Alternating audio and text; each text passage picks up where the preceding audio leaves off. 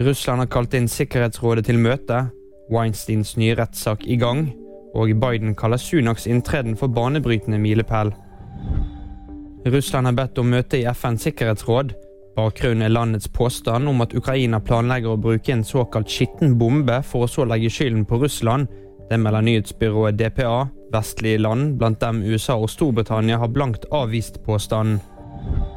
Weinstein brukte sin makt og innflytelse i Hollywood til å voldta kvinner. Det sier aktor i saken mot ham i Los Angeles mandag.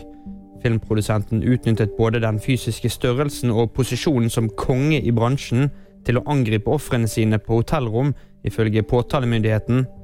Weinstein er tiltalt for elleve tilfeller av voldtekt mot kvinner på forskjellige hoteller i Los Angeles-området mellom 2004 og 2013.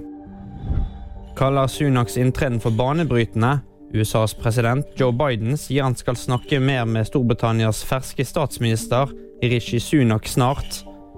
Det er ganske utrolig, en banebrytende milepæl. Det sa Biden under en feiring av den hinduistiske høytiden Diwali. Og VG-nyhetene fikk du av meg, Kristoffer Gåsvær Torgersen.